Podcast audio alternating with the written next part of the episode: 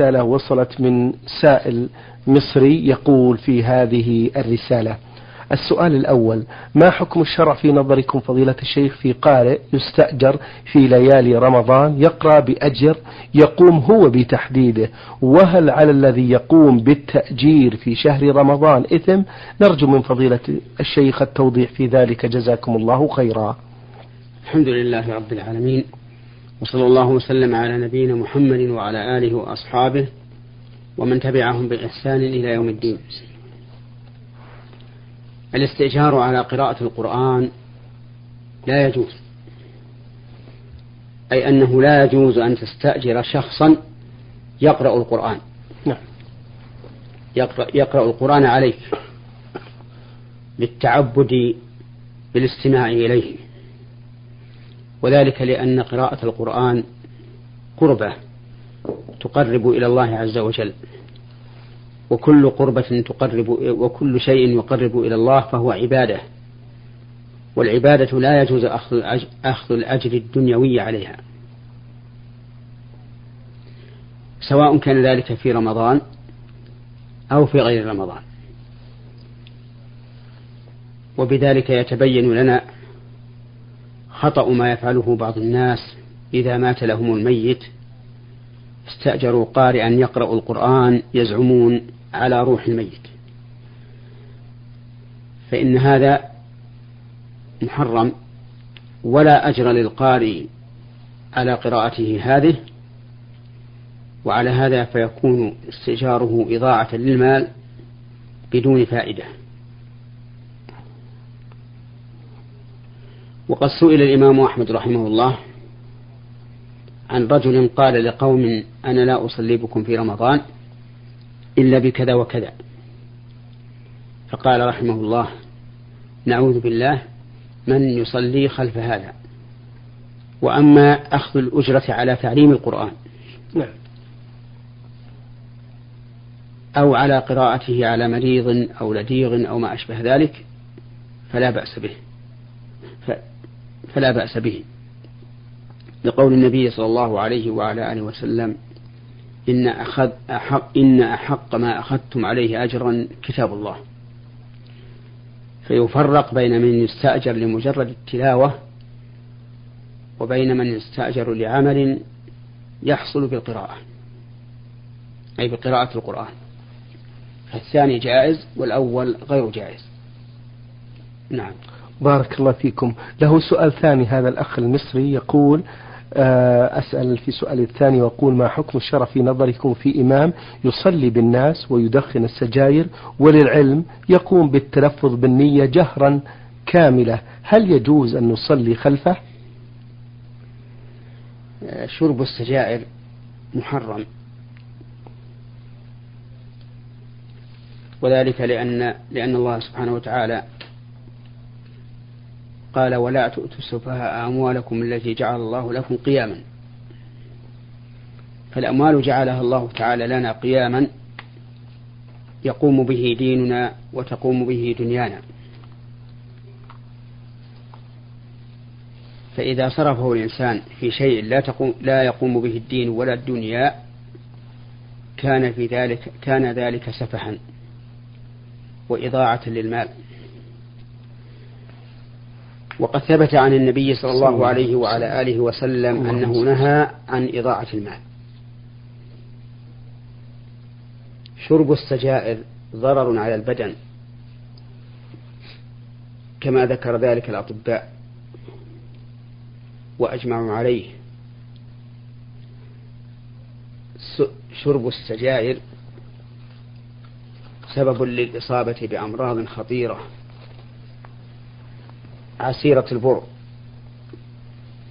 كالسرطان الرئوي واللثوي وما أشبه ذلك.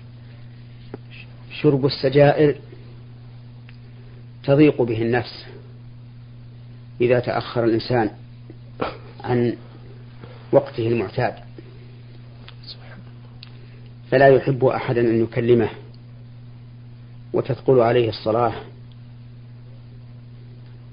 ويثقل عليه الصيام ثقلا أشد.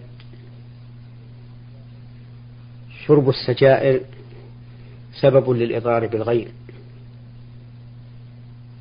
إذا جلس إليه أحد أو جلس هو إلى أحد وقام يدخن فإن فإن جليسه سوف يتأذى برائحته من وجهه.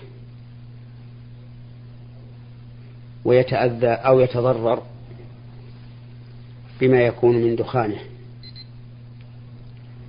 ولذلك نجد الأمم الحريصة على دنياها تمنع من شرب الدخان في المجالس العامة لأنها تعلم علم اليقين ما يحصل فيه من ضرر. وبهذا وبغيره مما لم نذكره يتبين أن شرب السجائر حرام وكذلك ما كان بمعناها مثلها أو أشد كالشيشة وغيرها فإنما ماثل الشيء يعطى حكمه. فإنما ماثل الشيء يعطى حكمه.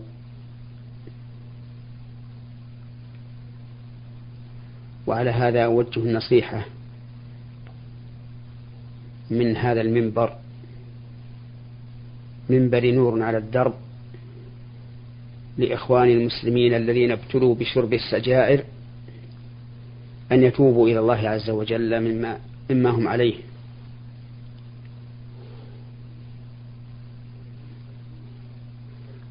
ويعينهم على هذه التوبة أمور. الأول الإخلاص لله عز وجل بأن يتركوه لله انكفافا عن معصيته ودخولا في طاعته. ثانيا الاستعانة بالله عز وجل على تركه.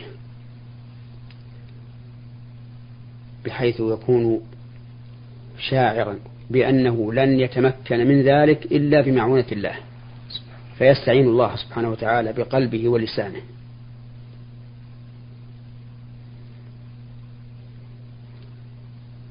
وإلى هذين الأمرين أشار الله تعالى بقوله إياك نعبد وإياك نستعين. ففي إياك نعبد إخلاص العبادة وفي إياك نستعين إخلاص الاستعانة. ثالثا أن يبتعد عن مجالسة الذين يشربون السجائر فإن جلوسه إليهم يقتضي أن لا ينسى شربه للسجائر وربما كانوا جلساء سوء فحملوه على أن يشرب على أن يشرب معهم. رابعا إن قدر على أن يصرم هذا مرة واحدة يعني يصرم شرب السجائر مرة واحدة ويقطعه نهائيا فهذا أقوى في العزيمة وأقرب إلى المضي في تركه. وإن عجز عن هذا فليتركه شيئا فشيئا. إذا كان من عادته أن يشرب عشرين سجارة في اليوم فليشرب خمس عشرة لمدة أسبوع أو عشرة أيام ثم عشرة عشر سجائر وهكذا تدريجيا.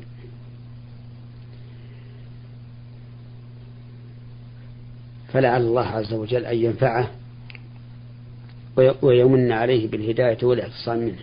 نعم. أما هذا الإمام الذي سأل عنه السائل وأنه كان يشرب السجائر ويجهر بالنية فنقول إن وجد من هو خير منه في الصلاح والقراءة قراءة القرآن فالواجب على المسؤولين على المساجد فالواجب على المسؤولين عن المساجد أن يعزلوا الإمام الشارب للسجائر وأن يولوا من هو من هو خير منه.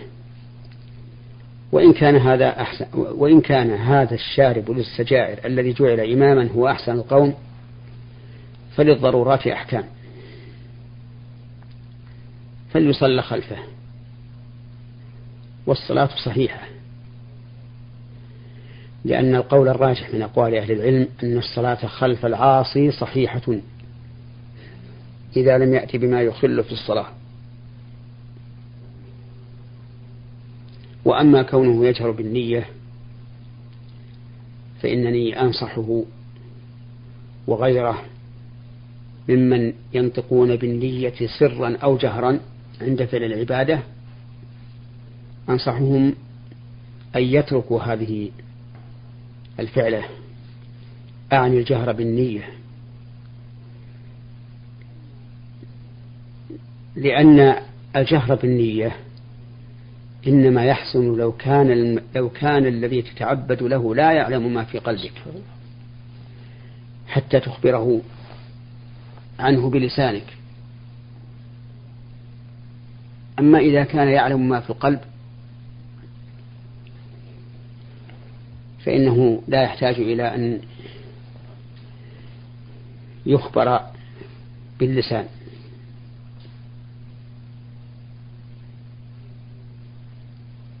ومن المعلوم أن الله سبحانه وتعالى يعلم ما في القلب. كما قال الله تعالى والله عليم بذات الصدور وقال تعالى ولقد خلقنا الإنسان ونعلم ما توسوس به نفسه وقال تعالى أم يحسبون أنا لا نسمع سرهم ونجواهم بلى ورسلنا لديه مكتوبون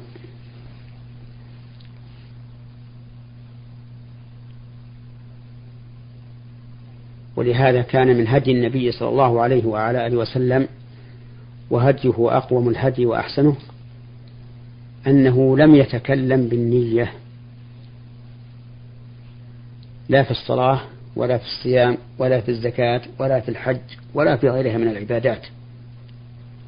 أي لم يقل اللهم إني أريد أن أصلي أو أريد أن أصوم أو أريد أن أعتمر أو أريد أن أحج. وعلى هذا فالنطق بالنية سرا أو جهرا غير مشروع. وأرجو الله سبحانه وتعالى أن تصل نصيحتي هذه آذانا صاغية اللهم آمين. وقلوبا واعية. آمين. وأن يدعوا ما هم عليه إلى ما كان عليه النبي صلى الله عليه وعلى آله وسلم وأصحابه فإنهم على الحق وعلى الصراط المستقيم. اللهم آمين. بارك الله فيكم فضيلة الشيخ. له سؤال أخير هذا السائل ربيع محمد. يقول ما حكم ترك الصلاة في المسجد مع الجماعة بحجة أنه لا يرغب الإمام وذلك بسبب عداء شخصي وليس شرعي أفيدوني فضيلة الشيخ. لا يجوز للإنسان أن يتأخر عن صلاة الجماعة لعداوة شخصية بينه وبين الإمام بل الواجب عليه أي على من كان بينه وبين الإمام عداوة شخصية أن يسعى في إزالة هذه العداوة حتى يتحقق الإيمان لأن الله تعالى قال والمؤمنون والمؤمنات بعضهم أولياء بعض. وأخبر جل وعلا أن العداوة من مراد الشيطان. أن العداوة بين المسلمين من مراد الشيطان. فقال تعالى إنما يريد الشيطان أن يوقع بينكم العداوة والبغضاء في الخمر والميسر.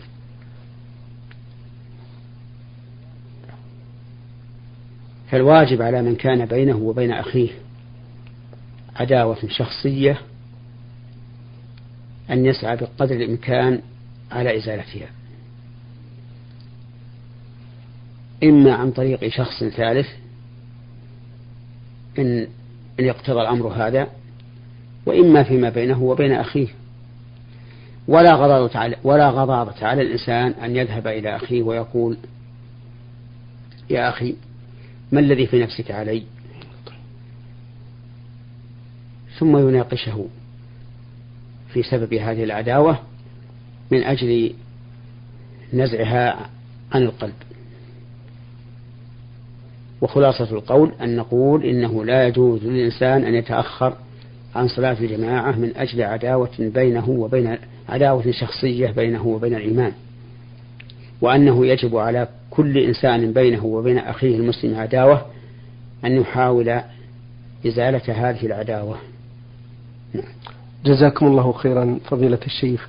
السائلة نون عين عين جدة تقول أرجو يا فضيلة الشيخ أن تبينوا لنا عذاب القبر وأسباب النجاة منه وهل عندما يدفنون الميت ثم يقولون له بعد الفراغ من دفنه إذا سألك الملكان من ربك فقل ربي الله وما نبيك وما دينك هل صحيح أن الميت يسمعهم؟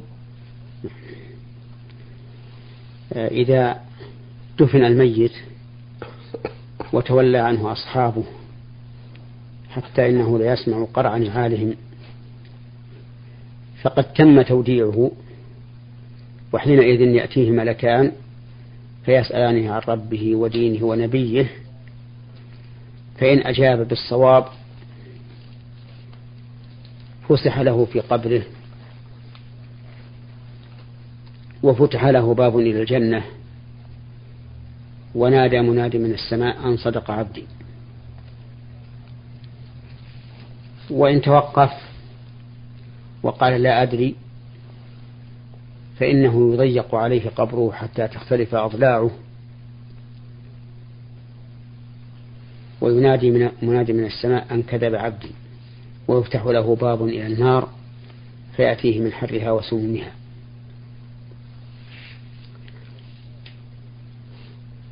والأسباب المنجية من عذاب القبر كثيرة. تنحصر في أن الأسباب الموجي الواقية من عذاب القبر هي القيام بطاعة الله فيفعل ما أمر الله به ويترك ما نهى الله عنه. ومنها أي من الأسباب الواقية من عذاب القبر التعوذ بالله من عذاب القبر. ولهذا أمرنا, أمرنا النبي صلى الله عليه وعلى آله وسلم أن نتعوذ من عذاب القبر. أمرا عاما فقال تعوذوا بالله من عذاب القبر. وأمر أن وأمرنا أن نتعوذ بالله من عذاب القبر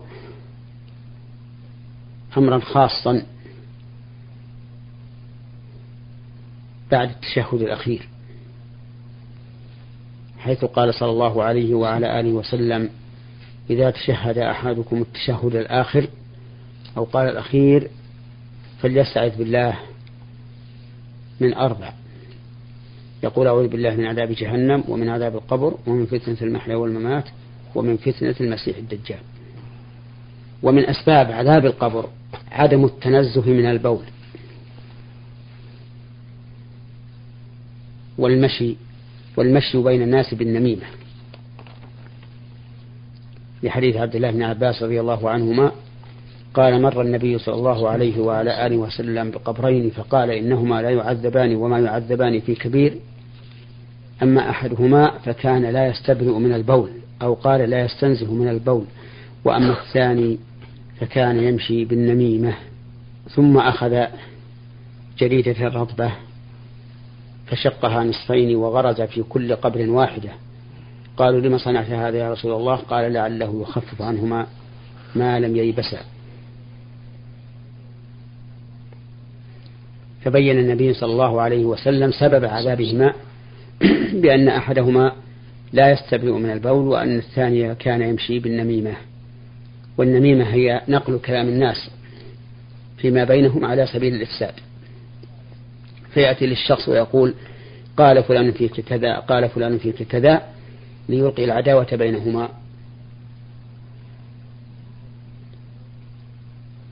وبهذه المناسبة أود أن ننبه على شيء يفعله بعض الناس.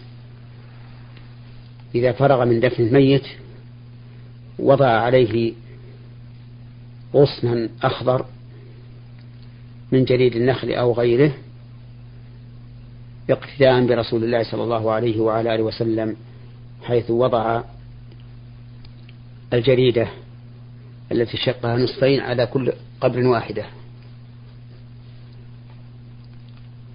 فإن هذا الذي فعله فإن هذا الذي يفعله بعض الناس بدعة. لأن رسول الله صلى الله عليه وعلى آله وسلم ما كان يفعله على كل ميت.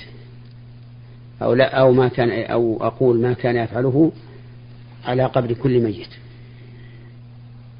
وأيضا فإن الرسول صلى الله عليه وسلم فعله لسبب. وهو أن أصحاب القبرين يعذبان فما يدري هذا الرجل أن صاحبه يعذب حتى يضع عليه هذا الغصن الأخضر؟ وأيضا فإن وضع هذا الغصن الأخضر شهادة بالفعل على أن صاحب القبر يعذب. فيكون في ذلك إساءة ظن بصاحب القبر. لكن بعض الناس لا يتأملون ماذا يتفرع على أفعالهم من المفاسد فتجدهم يأخذون بظاهر الحال ولا يتأملون حق التأمل.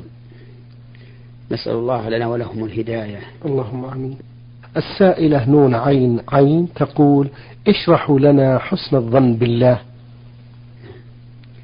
حسن الظن بالله أن الإنسان إذا عمل عملا صالحا يحسن الظن بربه أنه سيقبل منه. إذا دعا الله عز وجل يحسن الظن بالله أنه سيقبل منه دعاءه ويستجيب له. إذا أذنب ذنبا ثم تاب إلى الله ورجع من ذلك الذنب. يحسن الظن بالله أنه سيقبل توبته.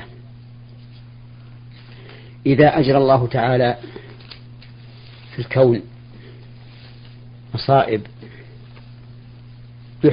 يحسن الظن بالله وأنه وأنه جل وعلا إنما أحدث هذه المصائب لحكم عظيمة بالغة. يحسن الظن بالله في كل ما يقدره الله عز وجل في هذا الكون وفي كل ما شرعه الله تعالى على لسان على لسان رسوله صلى الله عليه وعلى آله وسلم. بأنه خير ومصلحة للخلق. وإن كان بعض الناس لا يدرك هذه المصلحة ولا يدرك تلك الحكمة مما شرع ولكن علينا جميعا التسليم لقضاء الله تعالى شرعا وقدرا وأن نحسن به الظن لأنه سبحانه وتعالى أهل الثناء والمجد. سبحانه. نعم. هل يجوز للإنسان أن يزيد في غسل الأعضاء عند الوضوء كغسل كغسل القدمين إلى الأعلى؟ آه ذكر الله سبحانه وتعالى في آية الوضوء والغسل والتيمم حدودا للأعضاء التي تغسل في الوضوء. فقال جل وعلا يا أيها الذين آمنوا إذا قمتم إلى الصلاة فاغسلوا وجوهكم فاغسلوا وجوهكم وأيديكم إلى المرافق وامسحوا برؤوسكم وأرجلكم إلى الكعبين. فلم يحدد الله سبحانه وتعالى الوجه ولم يحدد الرأس لأن حدهما معلوم. أما اليدان فإنهما عند الإطلاق صالحان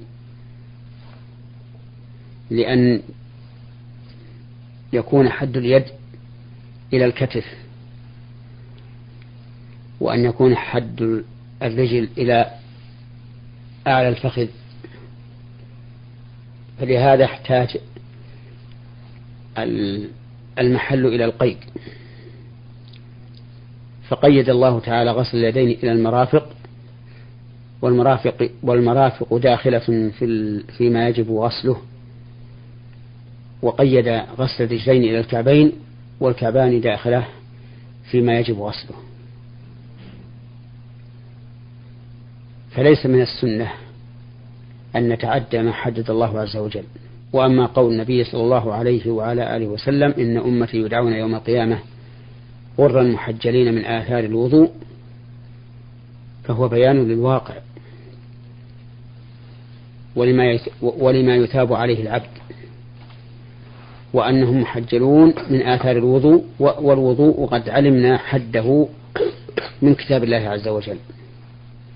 فيكون التحجيل منتهيا إلى الكعبين حتى لو فرض أن الإنسان زاد في وضوئه إلى نصف الساق مثلا أو نصف العضد فإن فإن التحجيل لا يزيد على الحد الذي ذكره الله عز وجل.